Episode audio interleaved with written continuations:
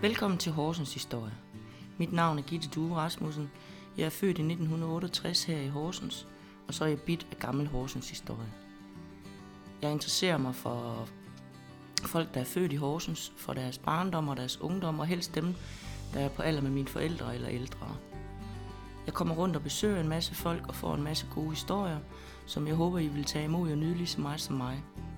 Lydsmæssigt må I bære over lidt med mig, fordi det bliver både interviews øh, via telefon og med mikrofon.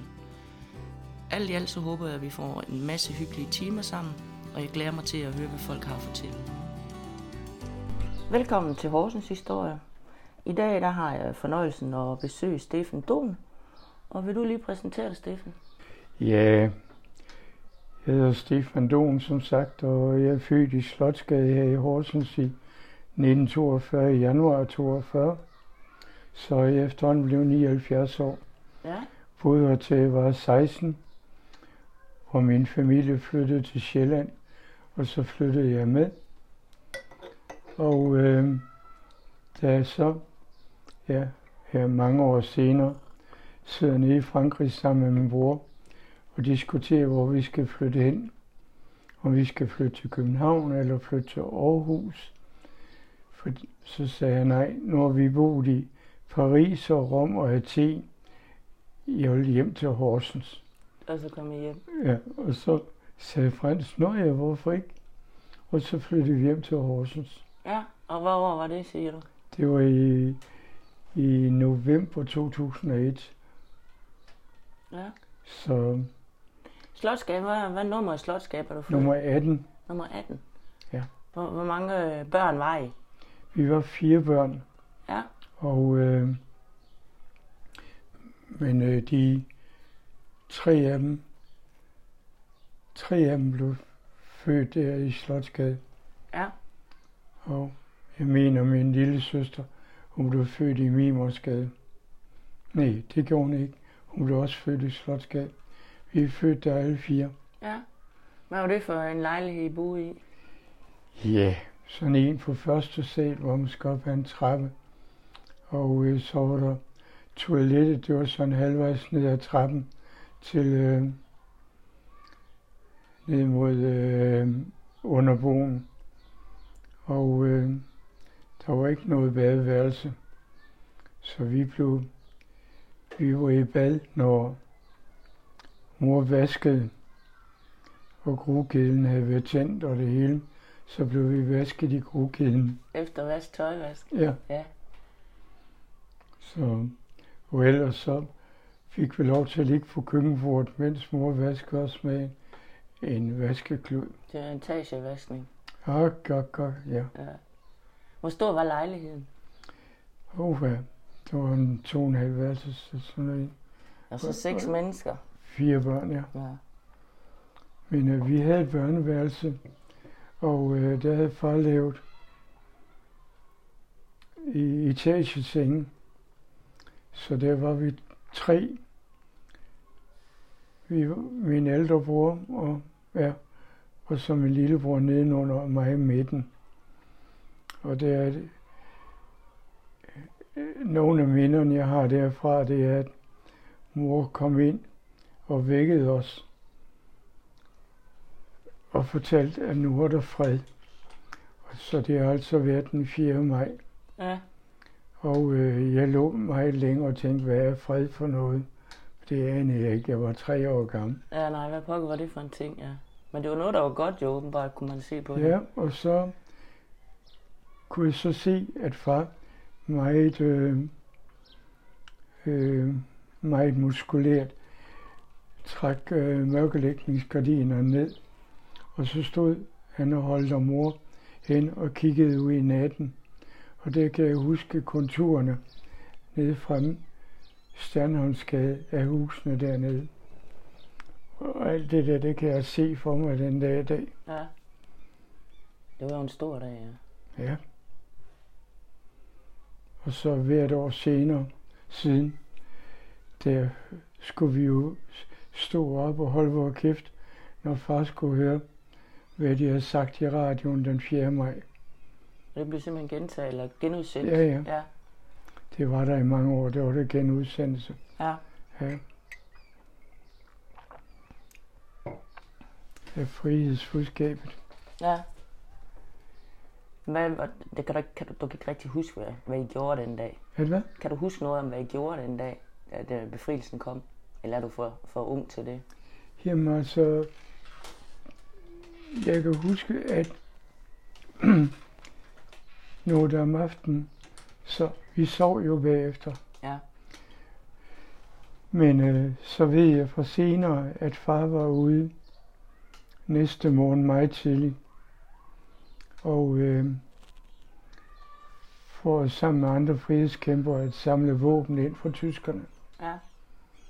Og øh, så senere hen i mit liv, der forstod jeg bedre, at far engang kom løbende igennem gangen til køkkenet og ned ad køkkentrappen med sit tøj under armen. Far sagde, at det var, når der var en bil, der stansede nede på gaden om natten, så var han bange for, at det var tyskerne. Der kom efter ham. Der er. Ja. Så Ja, så var der nogle ting, der lige faldt på plads, man bedre kunne forstå. Ja. Ja. Når I, når I nu boede i, i Slotsgade, hvor, hvor legede man hen? Var det i Lunden, eller var det på havnen, eller det var i Lund. i Lunden? Ja, vi gik derop, og øh, der var der jo legetante på legepladsen op. Ja. Og der var en karusel, man kunne stoppe på og køre rundt og så videre. Og der var en skating om vinteren, når der var sne. Ja. Så tog vi jo slæden med op ad Karolinlundsvej. Og så kørte vi på fulde fis ned ad Karolinlundsvej, over Amaliegade og ned ad Gerstersgade, uden at tænke på, at der kunne komme en bil. Det er ikke som i dag. Nej. Dengang der kom der en hver tredje minut, ikke? Ja, ja. Så, men øh, jeg har da overlevet. Det var nogle sjove lege, da- man var mindre, synes jeg. I dag, der sidder de bare og spiller på deres computer. Ja, ja. Så noget havde vi slet ikke dengang. Nej. Hvor gik du i skole hen?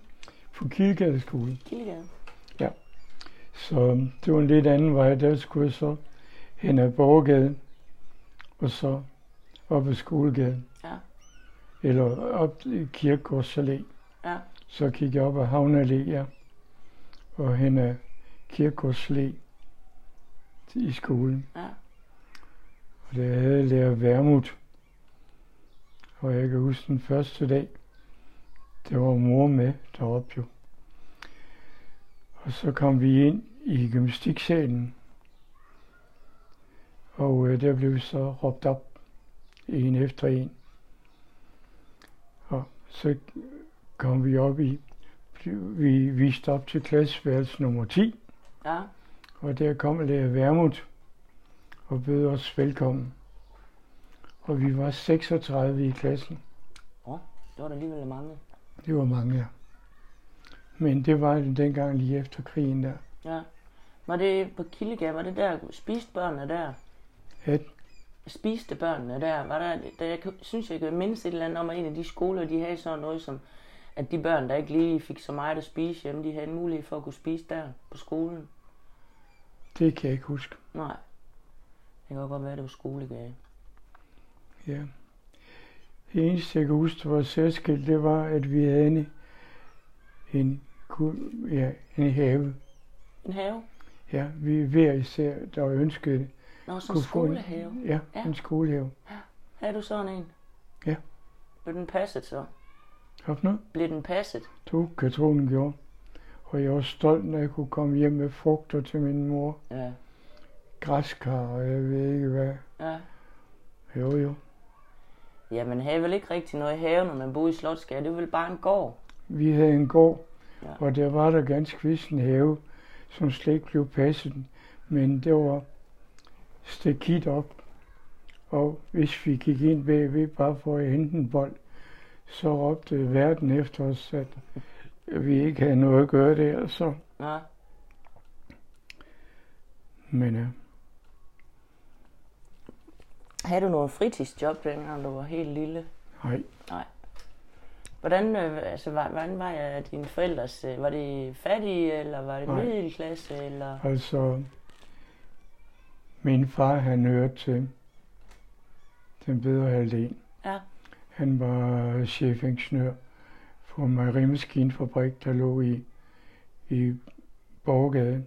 Ja. På Larsen Petersen. Okay. Og for Pose Larsen Petersen, der var han jo i Paris, så var han i Holland, og så var han i Irland, og han har været næsten verden rundt. Ja. Og på et tidspunkt, der blev han så kendt, at han har været fem uger i øh, USA, udelukket for at holde foredrag Okay.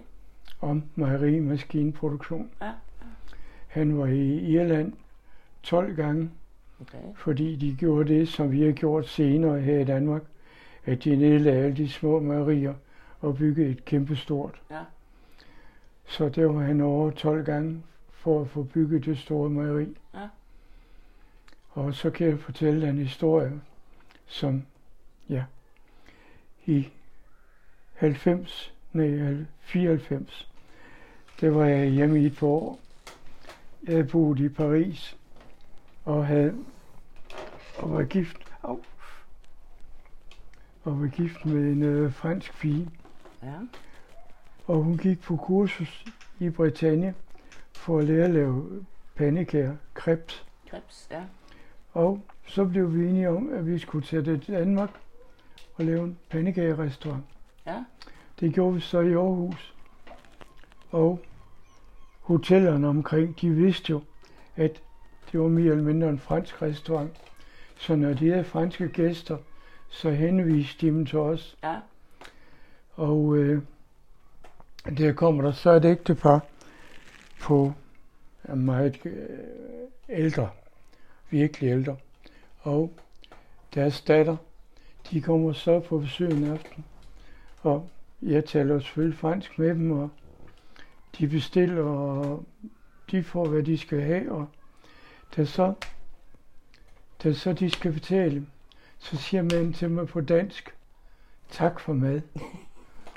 Så siger jeg, hvad i hulen i helvede, hvor har du lært det hen? Så fortalte han mig på fransk, at han havde været i Danmark for mange, mange år siden, og øh, fordi han skulle besøge en ingeniør i Horsens, Ej, hvor sjovt så sagde jeg, at det var min far. Ej, Så sagde han ja. Så blev vi, jeg inviteret hjem, og de havde fire børn. Og når de gik fra bordet, så sagde de alle sammen, tak for mad. Ej, hvor sjovt. Verden er lille. Ja. Det må man sige. Jo. Hold da op. Ja, det må man sige. Øhm, jeg vil godt lidt tilbage til, til Slotsgade, sådan hvad der skete der. Øhm, da du kom, du gik i skole på Kildegade. Ja. Havde man, hvad havde du af frit? Havde du nogle fritidsinteresser? Det ved jeg ikke. Det spekulerer jeg ikke i. Nej. Spillede du musik dengang? Det begyndte jeg med, da jeg var fem. Jamen, så har du også gjort det nogle år, jo. Ja. Fordi, øh, jamen, der boede jeg nogle år endnu i. Og der fik jeg en øh, lille violin, som jeg var nede og købte sammen med min far i graven Lidt graven. hos Søren P. Sørensen. Ja, som havde lavet den selv. Fordi man har en hel violin og en halv og en kvart. Og de er altså ikke ret store. nej. Så jeg startede med en kvart. Og så nogle år senere, så fik jeg en halv. Og senere hen, så fik jeg en hel. Ja. Og Det, det, var- det på skole, man gik? Eller hvad havde man musiklærer? Eller? Det gik jeg hos fru Dam Jeppesen ude i Stensballe. Uh. Så der tog jeg bussen. Ja. Stensballebussen ud. Og så gik jeg til undervisning hos hende fra jeg var fem år gammel. Ja. Så Men hvor mange år gjorde du det? Uha, jeg tror indtil jeg var 12. Ja. Fordi så begyndte jeg at gå til undervisning hos ham, der spillede violin og var førstemanden og dirigent og det hele i Horsens Symfoniorkester. Ja. Og begyndte jeg at gå til undervisning hos ham, indtil jeg var 16 år. Og så droppede jeg violinen og begyndte at spille trompet. Ja. hvilket min mor havde. Fordi det var jo ikke, altså, jeg spillede jazz. Ja, uha. Ja, det var det værste, det var, det eksisterede for min mor. Ja, Og øh, jeg kan huske, hvor skide stolt jeg var. Jeg spillede i jazzklubben første gang, 14 dage før jeg blev 16 år. ja. Og jeg var skide stolt, og da jeg kom hjem, så sagde min mor, at jeg skulle gå op på værelset og skamme mig. Ej, hvor synd. Hvad? Sikke synd. Det er det, jeg kan forestille mig. Jeg kan huske Matador, hvor han står der og har Schwann og siger, at det er forbandede nære-musik, der kommer. Og det var så jazz, der det var begyndt Ja. at spille. Men altså, hvis min mor hørte, at jeg spillede øh, Armstrong, Ja, så lukkede hun døren med, en- med køkkendøren med et brag, så, fordi hun ikke hun kunne høre ned ad trappen, jeg boede ovenpå. Jo, jo, det gad hun simpelthen ikke. det ville hun ikke. For hun havde gået til koncert en gang, s- sang i København, Ja, fordi hun skulle være operasangerinde. Det blev hun aldrig. nej, okay. Og fortalte hun også, at øh, Norelé, som hun hed, hende, der underviste hende, havde sagt, at hun aldrig ville glemme hendes stemme og så videre. Men så mødte jeg altså Norelé for 40 år siden, eller sådan noget. Norelé kunne da ikke huske, hun nogensinde har haft en, en, en der hed sådan og sådan, der kom fra Frederikshavn. Så, så det har, det har snydt min mor også. Ja. Det har hun med tiden fået til at blive noget godt. Mm. Ja. Jamen, hvad, hvad kan vi ellers finde på at snakke om? Du må have en masse ting, øh, du har oplevet, når du er så... Ja, så jeg kan da begynde at tale lidt om, om min barndom. Ja. Så flytter vi til øh, Mimersgade. Var det lige blevet bygget dengang, eller? Hvad for noget? Var det nybygget dengang? Vi var de første, der flyttede ind i hele blokken. Uh, ja. Og de første 5-6 dage sov min mor dårligt nok om natten, for vi har ingen hoveddør. og vi har ingen køkken. Nå, for Men vi havde sagt lejligheden op, I var nødt der til hvor vi det. boede. Ja, At de så ikke kunne blive færdige derude, det havde vi jo ikke tænkt på. nej. Så vi havde to symaskinekasser, kan jeg huske, var vores køkken, hvor far havde stillet et gasapparat på. Og øh, ja. Og det ændrede meget i mit liv, at vi pludselig sådan var derude og bare kunne løbe ned og lege, og Der var ellers unger at lege med hele tiden. vi havde legeplads lige frem og Ja. med gynger og vippe og hele skidtet. Og så begyndte jeg at ryge. Okay, hvad årstal er vi der? Da jeg er ni år gammel. Ja. Så det var i 51, der begyndte jeg at ryge. Ja. Men dengang, der kostede en pakke cigaretter jo 3 kroner. Ja. Og 3 kroner og 20 for de lange. Ja. Det var Kings og Queens, de kostede 3. Men Nordstate, de kostede 3,20. og så kunne man for 1 krone, kunne man gå hen og lægge i automaten, og det var det, vi gjorde. Så kunne vi købe fem stykker Eiffel. Fem Eiffel, ja. De kostede 85 øre, og så lå der 15 øre i pakken. Ja, ja. Jo, det var tider dengang. Ja, det, En is, jamen en firkantet is, den kostede 20 øre. En rund, lang is, øh, vaniljeis og så is, den kostede 15. ja. Ja, det, det er sjovt at kan huske de priser. Ja, I dag der koster ja, hvis du køber den ved en, øh, en rigtig ishandler, så koster den vel 15-20 kroner. Så, Ja. ja. jo, men øh, når jeg tænker på, hvad benzin kostede dengang, ja. og hvad det koster i dag, Hvad med slik? Kan du huske noget slik, du godt kunne lide dengang? ja, salmiakstikker, Salmiakstænger. de kostede 10 øre. Ja, Og min søster, min lille søster, hun var så glad for salmiakstænger, så hun regnede alt om i salmiakstænger. Hvis du fortalte den, den kostede 3 kroner og 30, den der dims der, så sagde hun, det er ligesom mig som 33 salmiakstænger. Ja, hun kan godt lide salmiakstængel. Ja. Og i gamle dage, vores Slotsgade, der gik vi jo i Nybykolden Park hver søndag. Ja. For vi skulle over, vi skulle over og fodre rapbænder, som de hed. Ja. Og hvad jeg husker på turen derovre, det var, at der var nede i Borgade lige ved Fugholm, det var der en, en ismand, som sad og bagte vaflerne selv. Ja. Så hver gang han tog en af ovnen, nej, han sad der med sådan en, der kunne køre rundt.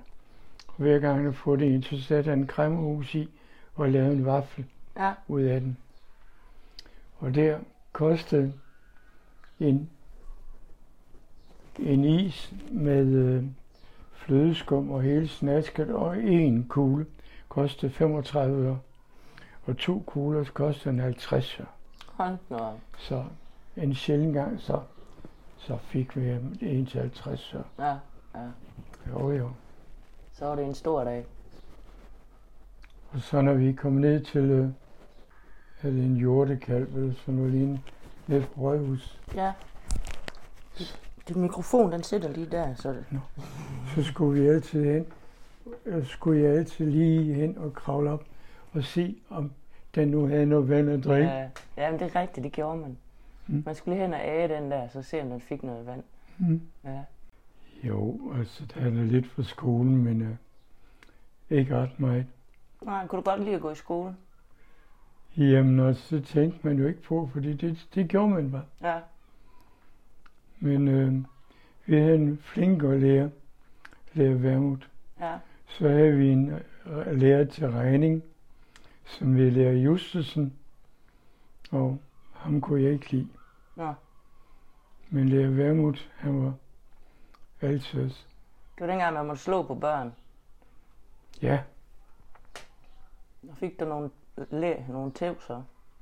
Er det hvad? Fik du nogle slag af de her Nej, lærer? jeg har aldrig, fået- jeg har aldrig blevet slået den der. Nå. Du er ikke en ballade med Nej, Nej. fordi jeg, jeg havde fået at vide, at man skulle opføre sig pænt, og så gjorde man det. Ja. Men øh, det har jeg nok gjort, ikke gjort i dag. Det kan godt være, det har været noget andet, ja. Ja. Men hvor mange år gik du så i skole? Åh, ja. 10 år. 10 år. Kom du så i lære bagefter, eller? Ja, så kom jeg i lære hos Pås, hvor far var ingeniør. Ja. og det var altså seks måneder, men fandt ud af, at det var ikke mig. Det var ikke lige dig. Min mor ville have, at jeg skulle være ingeniør ligesom far. Ja. Så ja, derfor skulle jeg lære som smed, og så tre år på sk- teknisk skole bagefter. Men det var ikke mig. Nej. Og øh, så kom jeg til København, og der kom jeg i lære som revisor, som ja, økonomi, regnskabsvæsen og sådan noget. Det var mere dig måske.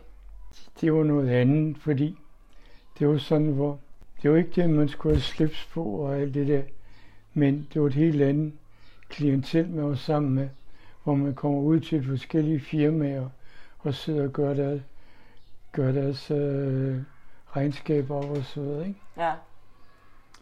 Men da så havde været der en... Jo, og jeg tjente jo så mange penge som revisor, Ja. så som 25-årig, der købte jeg villa oppe i Hørsholm. Okay. Men da jeg så var næsten 28, så ringede jeg til min far en søndag. Fordi jeg var træt af, at naboen sagde de til mig, og gik med nystrøgende bukser og slips, når han, han slog græsplænen. Og han sagde de til mig, og jeg sagde du til ham. Ja. Og øh, så ringede jeg til min far en søndag aften. Nu skal lige sige, at min far han har, han har rejst verden rundt igennem mange år. Ikke? Ja.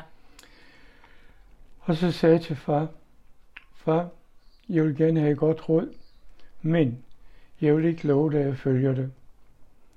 Og så sagde far, sig frem. Og så sagde jeg, jeg har tænkt på at sælge mit hus. Sig mit job op. Tag 14 dage med spis til rum. Og så se, hvad der sker. Så gik der lang tid, så sagde jeg, far, er du der endnu? Jeg tænker, sagde han så. Så tænkte jeg, død og kridt nu. Og så kom far tilbage. Så siger han, Stefan, se, jeg kommer afsted. Ja. Så solgte jeg mit hus for to måneder. Sagde mit job op. Og tog spis 14 dage til Rom. Den 4. november 69. Ja. Og jeg kom hjem i 2001 i november. Det var en ordentlig tur. Ja. Men øh, så boede jeg i Rom i fire år. Så boede jeg i Athen og på Rodos i fem år eller sådan noget. Hvad lavede du? Hvad? Hvad lavede du? Arbejdede du med? I Rom, der startede jeg med at arbejde med økonomi. Men så var jeg blevet skide gode venner med Alessandro, der var chefgejsen i Rom, som får spis. Så han ringede en gang med og spurgte, kan du ikke lige tage en bus og, øh, og tage til banegården? Nej, og, og hente det næste hold gæster og hjælpe med at fordele dem på hotellerne. Så lidt efter lidt, så havde jeg mere og mere arbejde for spis. Og, men aldrig nogensinde fast ansat, men mm. en masse hjælp, også med kontanter og det ene. Ja. Og en dag, da jeg har været der en 4-5 år, så kommer en, en, en lørdag, der kommer der så en bus, og ind, og folk de strømmer ind, og, og jeg står der med listen over navn og fortæller om, hvor de skal videre hen, og, og så videre. Og kommer der en mand i sort vest og sort jakke, og siger, hvad fanden er det for en, en uniform, de har på? Fordi jeg havde en trøje, hvor der stod spis på, og som Jette, Alessandros kone, havde øh, sygt spis. Så, så sagde jeg, det må de spørge Alessandro om. Men øh, vi blev da gode venner igen. Så gode venner, at samme aften, der var vi ude at spise. Alessandro og hans kone og ham der. Det viste sig at være teknisk direktør for spise. Ja. Og så spurgte han, hvad de lavede før de kom herned. Så sagde jeg, at jeg arbejdet som revisor i København. Og hos hvem, der siger han så. Så sagde jeg hos firmaet, Ankier Jensen og Christensen. Hos Ankier? Hvor mange år var de der? Så sagde jeg, der var jeg fem år. Kunne tænke mig at komme til Roters. Der har vi en masse problemer med regnskab. Så var det Roters næste stop.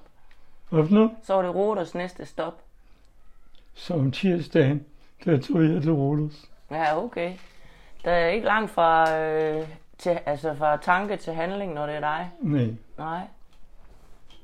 Nej, det var godt nok. Så er jeg fast arbejdet på Roters. Ja. Ja, der var jeg så også i 4-5 år. Ja. Men, og du, du kom tilbage til Danmark i 2001. Ja. Jamen, så har du, der har du jo ikke rigtig haft, der var du jo ligesom... Havde du noget arbejde, da du kom tilbage, eller? Nej. Nej. Der var du gået på pension, eller hvad? Nej. Jeg startede... Jamen, bortset fra det, så har jeg arbejdet som tolk for Rigspolitiet. Ja. Det vil sige alle offentlige myndigheder. Ja. Men øh, nej, der startede jeg som melder regnskaber igen. Ja. Og det gjorde jeg så i en 5-6 år. Ja. Så fandt jeg ud af, at det gad jeg ikke mere. Fordi det tjente jeg så meget som, som tolk, så der var ingen grund til at lave andet. Nej. Jeg fik 330 kroner i timen som tolk. Ja, okay. Og når det var efter klokken 5, og det var i weekend, så fik jeg 100 procent. Der fik jeg 660 kroner i timen. Ja, det er en god time, den. Ja, når man så sidder i fem timer ude på hospital og tjener over 3.000. Ja. Så, ja. så kan man godt klare sig. Det kan man godt, ja. Det mm. kan jeg godt se. Øhm, jeg vil godt lidt tilbage til, til din barndom her i Horsens. Ja. Du, du har ikke noget fritidsjob. Hvad, hvad, hvad, hvad legede man? Hvad lege, hvad, hvordan legede man dengang? Jeg husker, vi havde marmorkugler. Ja. Og så tegn, tegnede vi jo op med kridt i skolegården. De der, hvor vi hoppede rundt i, og Ja, hænkerude. jeg kan ikke huske, hvad det hed. Ja. Ja, Hvad med sæbekasser? Har man nogensinde lavet sådan en? ja Ja. jeg har haft sæbekasse. ja. Jo, Var det nogen, I selv lavede, eller var det... Ja. Ja. Jo, jo. Forhåbentlig ikke ned ad Karolinelundsvej. For, jeg siger forhåbentlig ikke ned ad Karolinelundsvej, for det var jo da vildt nok. Jeg skulle ikke undre mig, om vi har gjort. Har du aldrig leget på havnen nede i Spånerne? Øh, jeg har leget på havnen, men har ikke leget, men jeg kom en del på havnen. Ja, Men øh, det var mere Lunden. Ja, fordi øh, altså, jeg havde forbud mod at gå på havnen. Ja, det kunne godt være farligt. Ja, Det fik vi om, at vi gjorde sgu alligevel. ja. Hoppe ned i de der spåner der. Men jeg kan, også, jeg kan også godt huske øh, Lunden op, øh, hvad den hedder, legetanten der. Ja. Det har, alt- det har altid været, man siger, nu er jeg jo 20 år yngre end dig. Ja. Men øh, jeg kan stadigvæk huske den. Ja. Den var der også dengang. Og de havde sådan altid en kittel på. Ja, God kittel og sådan noget. så man kunne kende hende. Ja. ja. Der var alligevel mange unger, hun havde styr på sådan en, en eftermiddag. Fordi mange gange så kom forældrene vel bare afleveret ungerne, eller så kom ungerne selv, ikke? Nå, nå. Ja. Og mine forældre har aldrig været deroppe. Nej, I er bare selv levende derop. Hvordan, øh, hvordan øh, ligger I aldersmæssigt, øh, jer brødre og søstre der? Da min ældre bror er fem år ældre end mig. Ja, Min lillebror var halvandet år yngre end mig. ja. Og min søster fire år yngre end jeg er. Så der er din bror, lillebror, I har haft hinanden og brugt hinanden meget. Altså, han begik en fejl på et tidspunkt. Så skrev min far et brev til os, hvor han skrev, kære Michael, kære Stefan, kære Elisabeth. Så tænkte jeg, når Frans er død.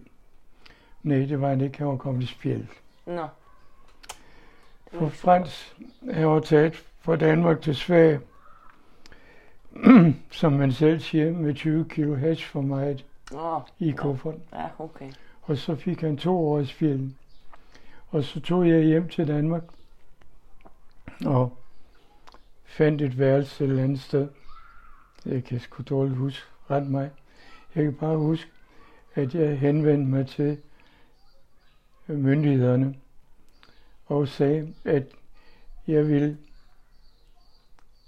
jeg ville tage med Frans, når han kom ud, at jeg ville eventuelt, hvis det kunne lade sig gøre, søge forældremyndighederne, eller hvad man kunne sige, Ja, over ham. Og det gjorde så, at Frans i stedet for at få to år, så fik han eftergivet det ene, Ja. fordi jeg ville tage med ham. ja. Men der var nogen til at tage hånd om ham. Det var jeg jo stolt af, det var min far.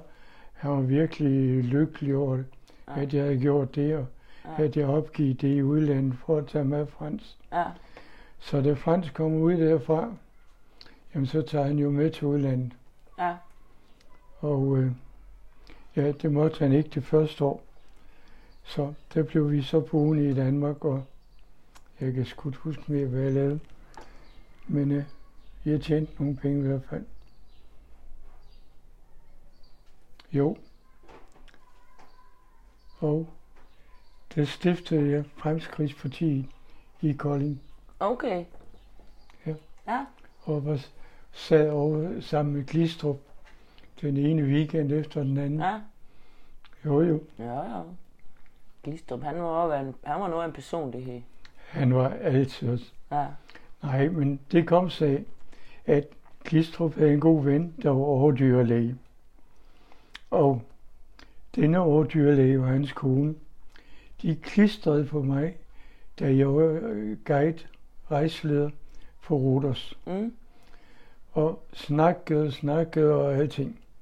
Så da jeg kommer hjem og har problemer med min store hund, jeg han jo faglander på 86 kilo. Hold da. Ja, den havde fået noget med øjnene.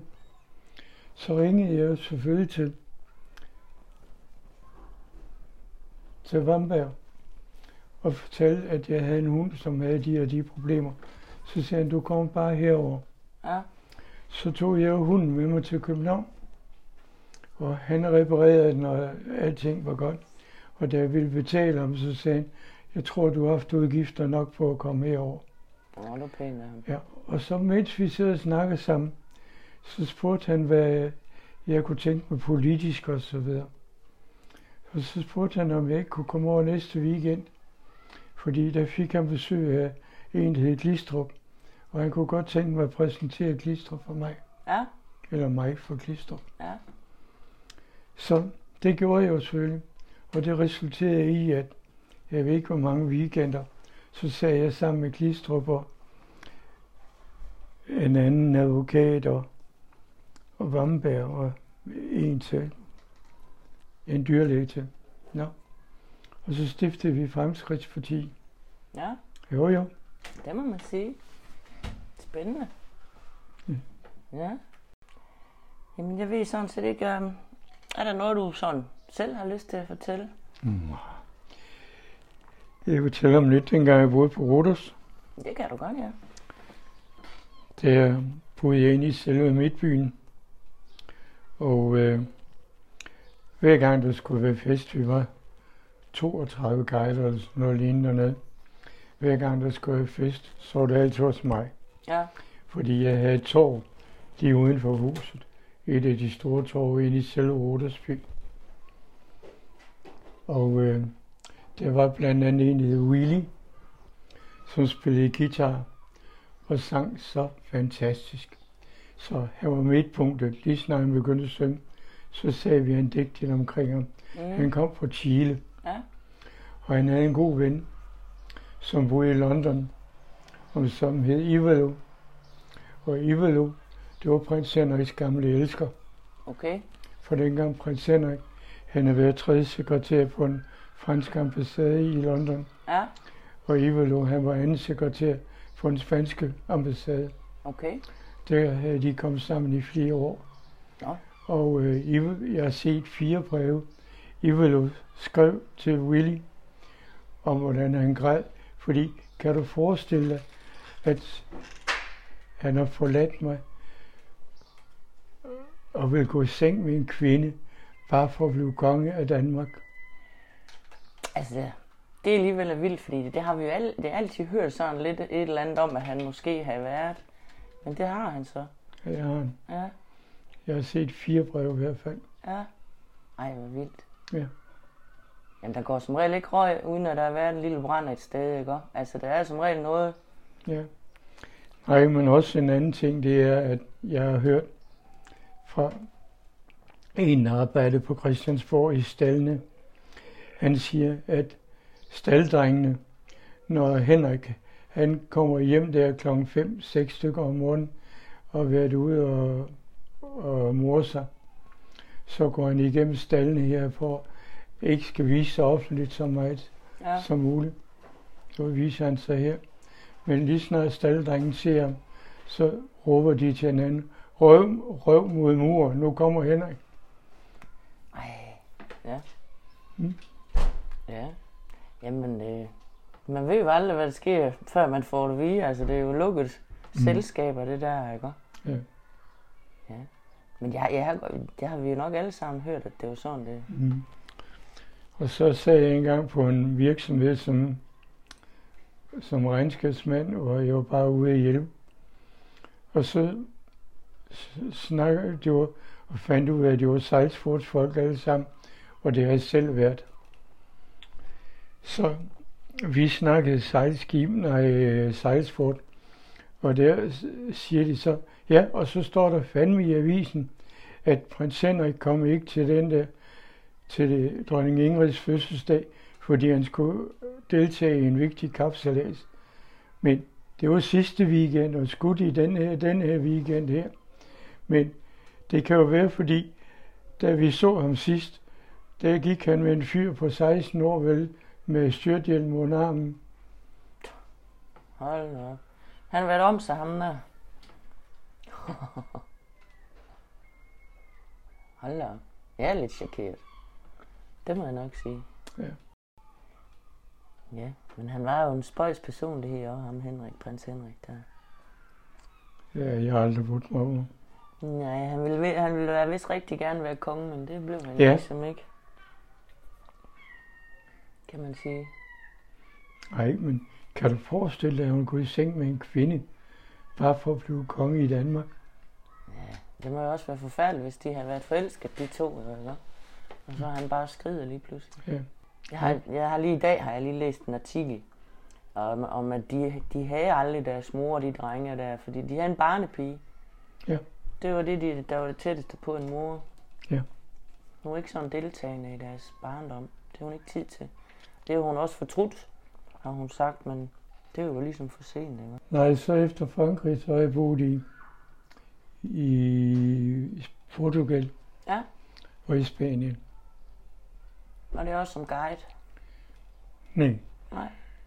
alt muligt andet. Ja. Nej, på det tidspunkt der, der var jeg blevet så kendt med skibe. Vi havde i Frankrig, der var der hvert år en, en kapsalas Ja. for gamle, gamle sejlskibe, som altså gaffelrigger Mm. i tomastet, tremastet. Og det ene år var det i Middelhavet, og næste år var det ved Normandiet. Ja. Og et år, da det var i Middelhavet, der vandt jeg. Okay. Der var 52, Nå, det var da flot. 52 skibe, Ja. og jeg vandt. Så jeg har derinde, der har jeg udklip af, det var i en stedlig i den havneby, jeg boede i på det tidspunkt. Ja. Det var avisen på forsiden. De, Ja. de skrev jo om mig. Og skrev om den her fantastiske, det her fantastiske skib, som var dirigeret af. Hvis de går ombord, vil de møde mm, en, hvad fanden hedder, det hedder ikke en kaptajn, sådan noget. En kommandant En kommandant. kommandanten, øh, som hedder Stefan Danskeren, som nedstammer direkte fra vikingerne. ja, ved du hvad? det var en god overskrift. Ja. Ja. Så ah, sikke en fest, vi holdt bagefter. ja, det kunne jeg forestille mig. Hold da kæft. Der var ikke det eneste værtshus i byen, som ikke ville have scene for at give gratis drinks. Ja, ja, ja, det jo helte nærmest. Hvad for noget? I var vel helte nærmest. Ja, ja, ja. Ja, Okay. ja. Ja. Vi havde kun have 22 mænd ombord, til der kunne sove og det hele. ja det var en stor Vi sejlede, jeg sejlede med i otte år. Der sejlede vi med turister rundt i Middelhavet. Ja. I, til Spanien og alle mulige steder. Ja. Så Det var da en rimelig stor båd, hvis der kunne være 22. den vejede 57 ton. Ja. Har så plus fire mands besætning og mig. Ja. Men øh, nej, det var stort. Det var, det var fantastisk. Ja. Kunne jeg godt forestille mig.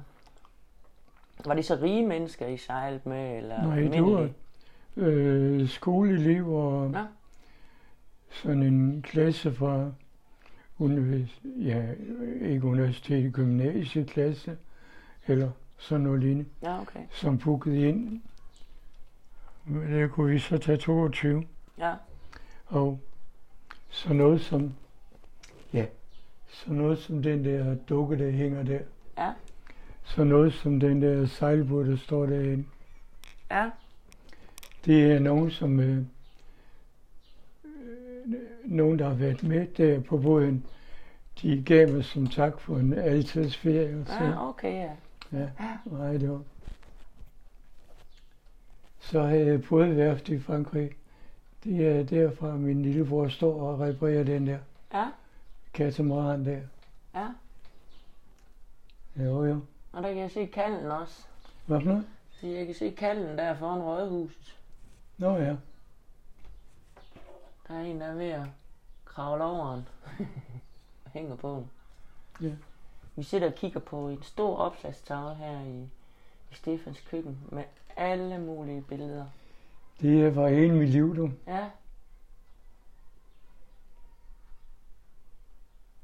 Ja, derfor. der står her, ingen er overflødig, man kan altid tjene som skræmmende eksempel. Ja. Og der står her, og det er bedre at se alene og drømme om en kvinde, end at sidde med en kvinde og drømme om at være alene. Det er nok ikke helt forkert. og da freden kom fra Horsens Avis, Da freden kom, ja, det var mit skilsmissebevilling. okay, Det var da freden kom. det var friden, der kom. Men jeg kan godt se, den er inde under der. Mm. Fra hele, ja, alle steder i verden nærmest, kan man se. Ja, det er fra.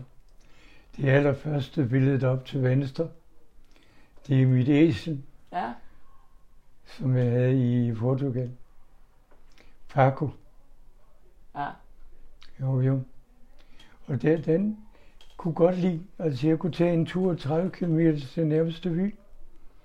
Så der kom jeg så. Der var en dag, hvor jeg havde restaurant i Portugal i øvrigt. Og der havde gæsterne brokket sig over, at det var synd for det stakkels æsel, at jeg bare red rundt. Så sagde ved du, nu skal du se, når jeg rider rundt, så tager jeg, lægger jeg tæppe over den. Så prøv lige at se, hvad der sker, når jeg går ud til den med tæppet under armen.